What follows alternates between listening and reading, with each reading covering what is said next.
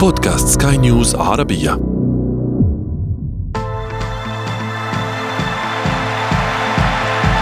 أثير الكرة.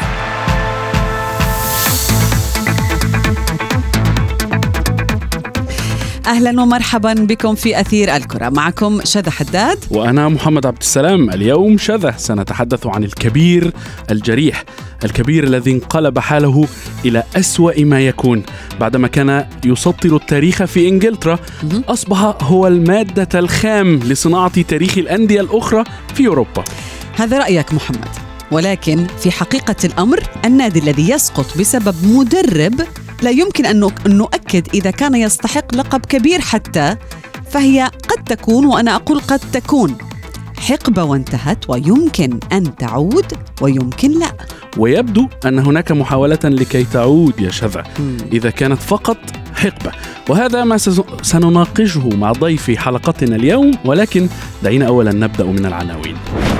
بحصة أقلية الملياردير البريطاني سير جيم راتليف يشتري اليونايتد فريق الطفولة الاستحواذ على الأندية متى يصبح نموذجا خطرا عليها ومتى يصعد بها سلم النجاح وفي فقرة ما لا تعرفونه عن كرة القدم نكشف لكم ماذا قدمت أول سيدة تدير مباراة في البريمير ليج وهل نالت رضا الجميع؟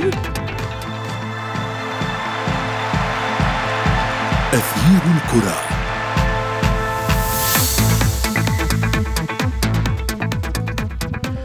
الإنقاذ الإنقاذ. يبدو أن هذا أصبح لسان حال محبي ومشجعي مانشستر يونايتد يشذ خاصة بعد الابتعاد كثيرا عن المجد.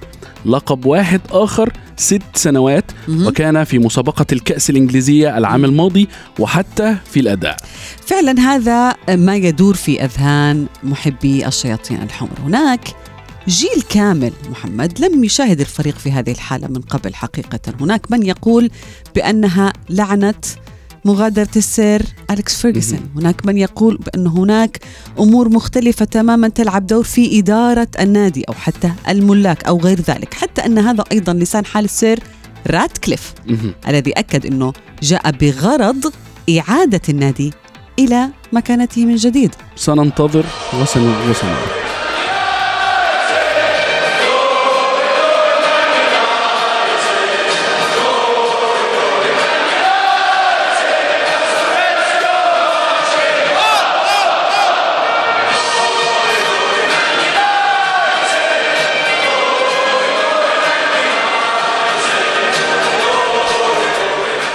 شذا يعني آه، مانشستر يونايتد كبير جريح مثل ما قلنا ويبدو أن لنا حلقة كبيرة اليوم آه، سيكون معنا الضيف المحلل والناقد الرياضي مجدي القاسم. مرحبا مجدي. يعني مجدي اولا ما هو رأيك في صفقة استحواذ راتكليف على 25% من أسهم مانشستر يونايتد؟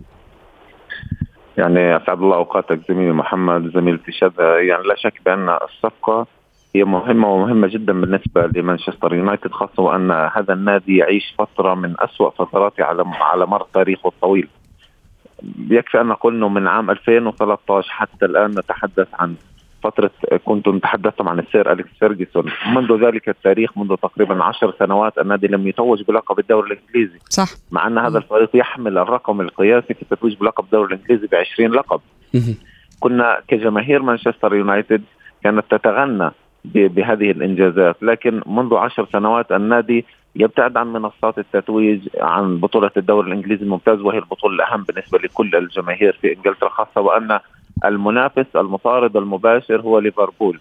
بالتالي نتحدث عن فريق مطارد عن عداء تاريخي أيضا ما بين الفريقين. بالتالي كان لابد من إجراء تغييرات جذرية. هذا ما لجأت إليه عائلة جلايزر.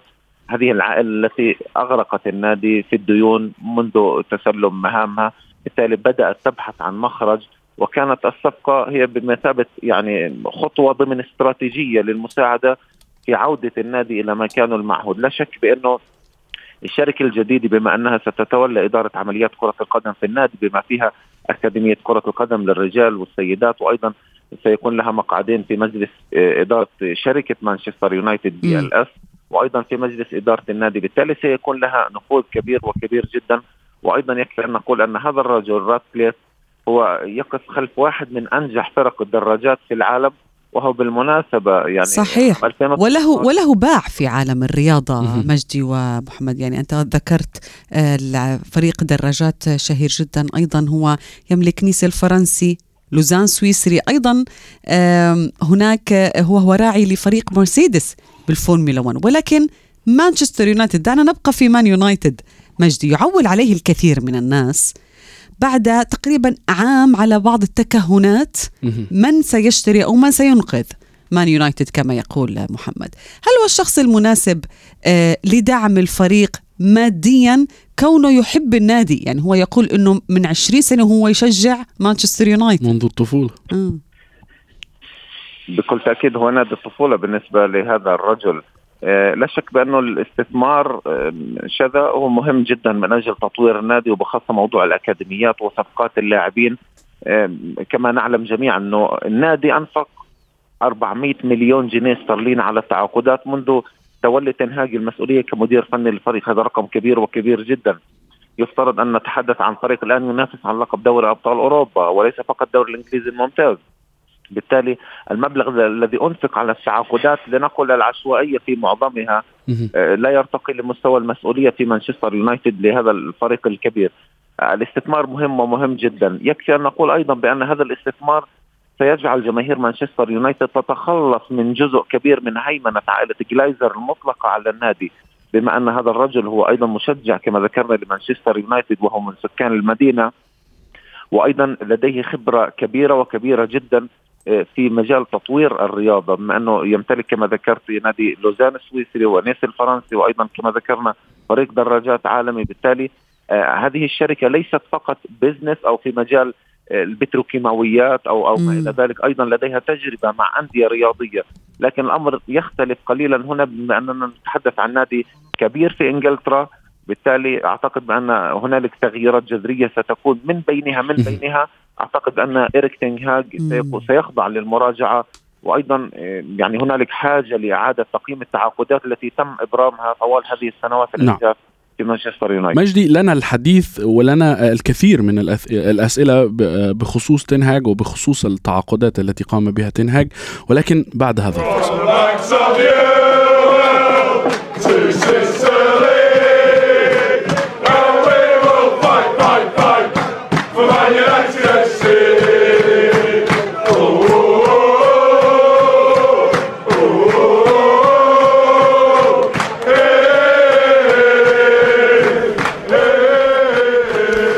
محمد ضيفنا ذكر نقطة مهمة تحدث عن أنه مانشستر يونايتد منذ أن غادره السير أليكس فيرغسون كمدرب لم يحقق لقب البريمير ليج. اليوم مانشستر يونايتد مركز الثامن بعيد 12 نقطة عن أرسنال.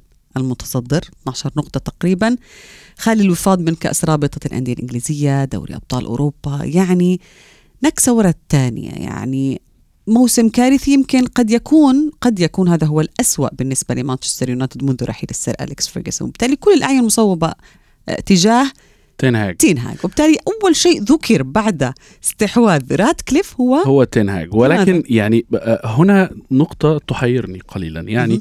تنهاج هو هو ذات المدرب الذي حقق المركز الثالث مع مانشستر يونايتد الموسم الماضي. بذات اللعيبة.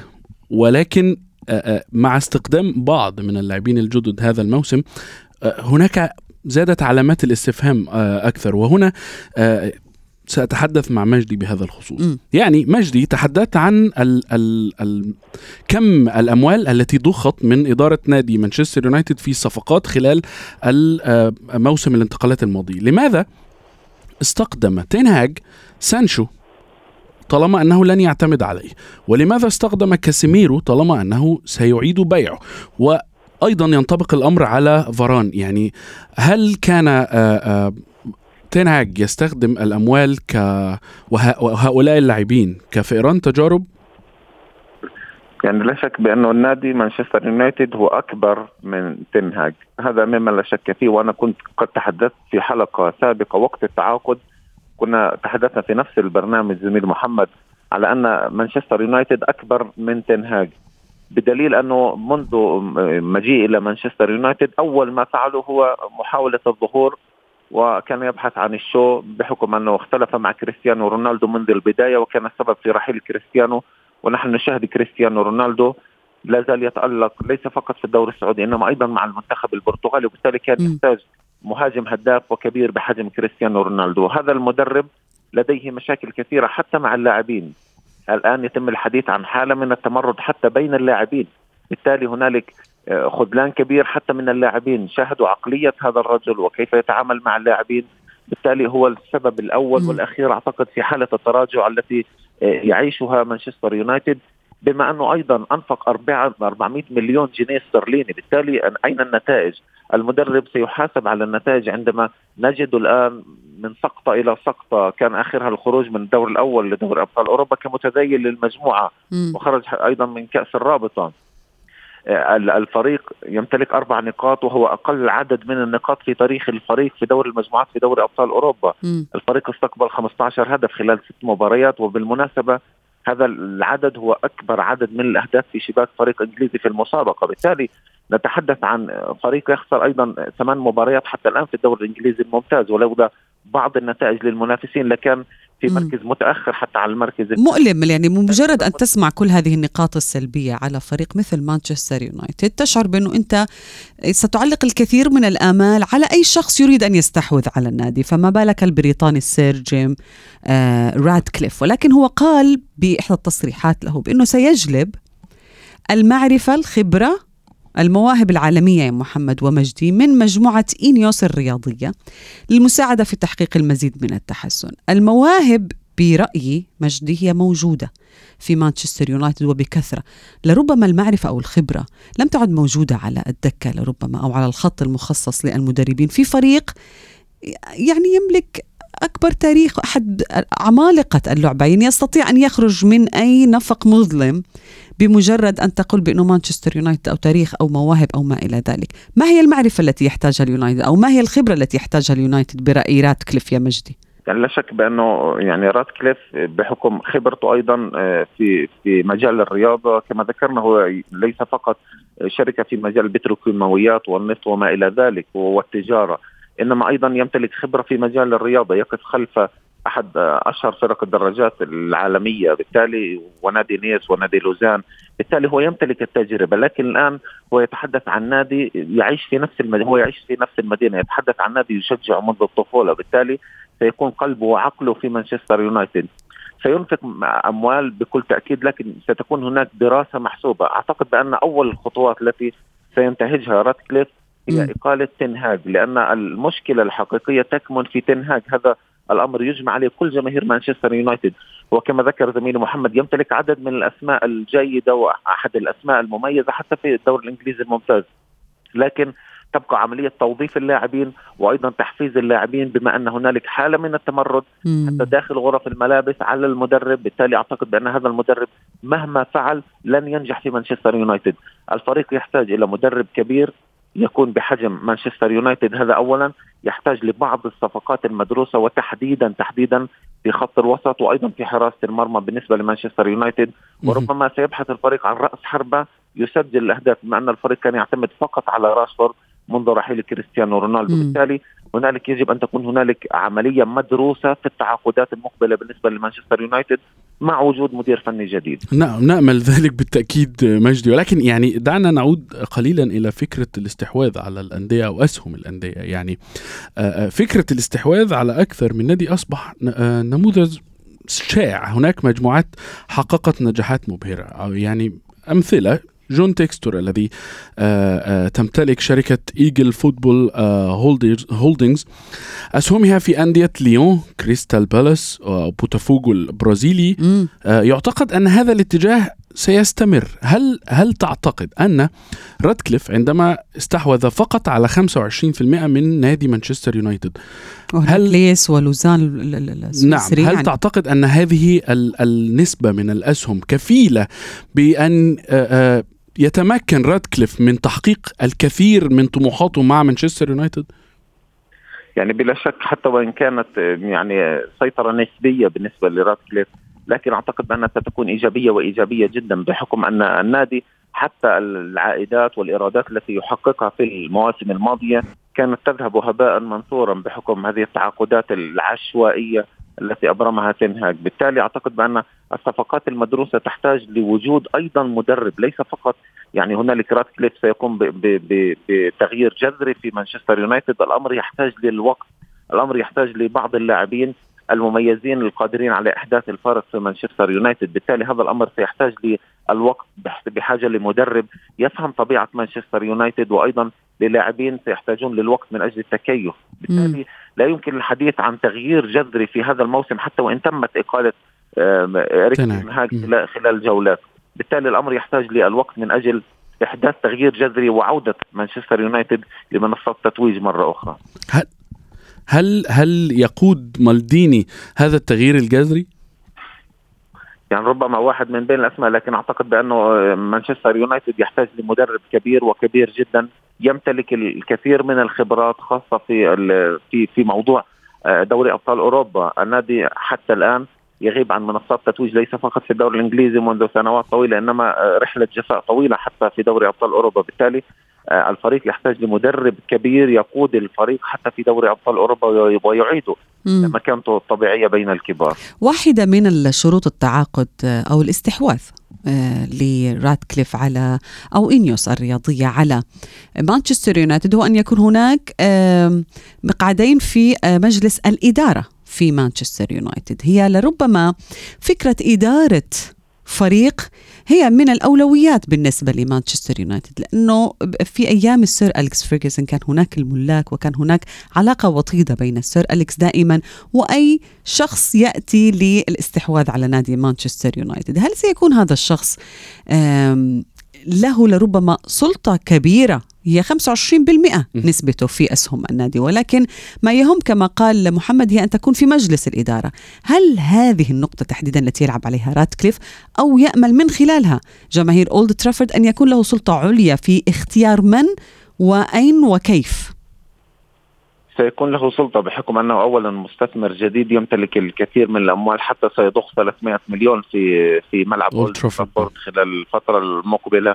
بالتالي أعتقد بأنه يعني حتى وإن كان يمتلك مقعدين في مجلس الإدارة هو أيضا يمتلك مقعدين في في مجلس إدارة شركة مانشستر يونايتد PLC بالتالي هذا الأمر يقودنا لنقطة في غاية الأهمية هو موضوع التخلص من هيمنة عائلة جلايزر المطلقة على النادي. هذه العائلة التي حتى جماهير مانشستر يونايتد لطالما طالبت برحيلها عن النادي وحتى كان هنالك عروض ومن بين عرض قطري للاستحواذ كامل على النادي لكن عائلة جلايزر رفضت التخلي عن كامل النادي وقالت بأنها ستبيع حصة فكان راتكليف الآن يمتلك 25% من من أسهم النادي.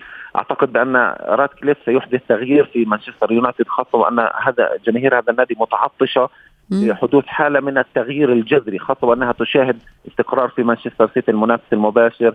هذا الفريق يحقق أرباح قياسية حقق أعلى إيرادات في تاريخه هذا العام بعد ما توج بالثلاثية التاريخية وحتى أصبح العلامة التجارية الأكثر قيمة في العالم. بالتالي هذا المطارد المباشر في نفس المدينة يحقق كل هذه النجاحات بالمقابل مانشستر يونايتد يعيش واحد من أسوأ مواسمه على الإطلاق. هو يريد أن يرى يونايتد المتعثر يعود إلى قمة قمة الترتيب من البريمير ليج وحتى قمة أوروبا والعالم صحيح.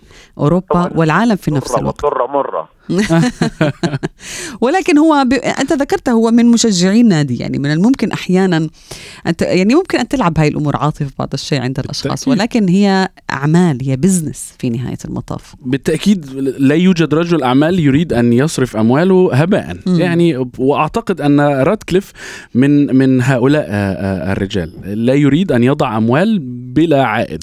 فبالتالي آه، اعتقد أعتقد أنه سيتكفل تماما بما سيحققه النادي خلال الأعوام القادمة. وأيضا يعني مجدي تحدثت عن فكرة الاستحواذ آه، آه، الكامل على النادي من عدمه.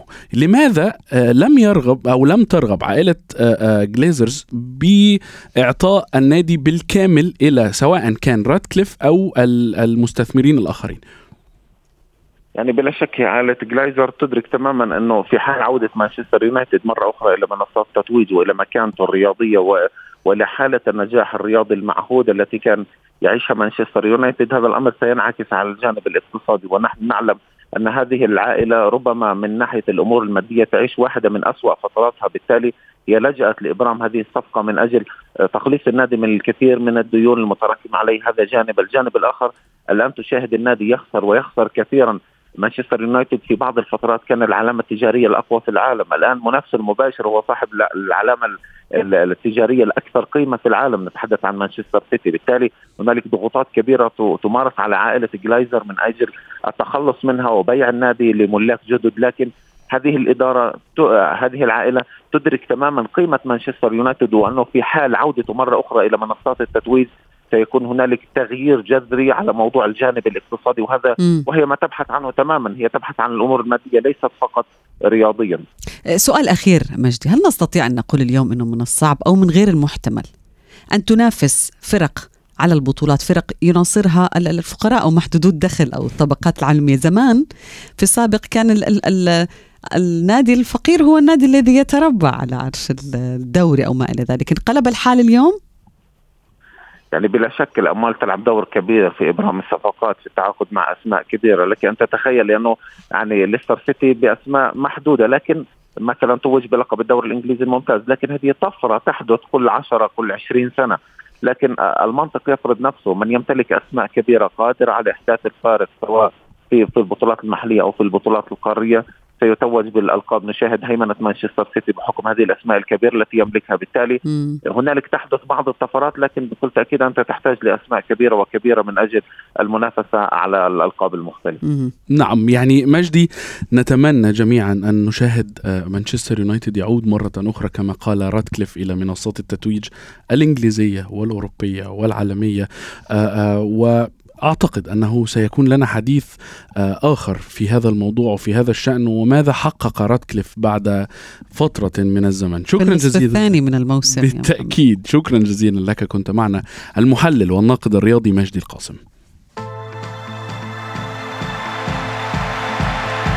أثير الكرة.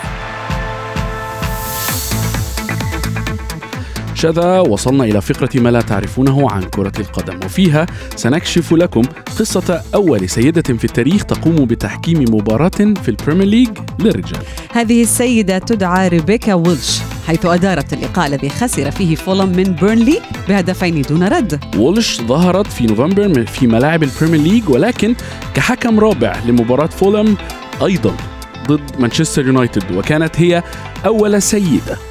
أيضا تتولى هذا الدور.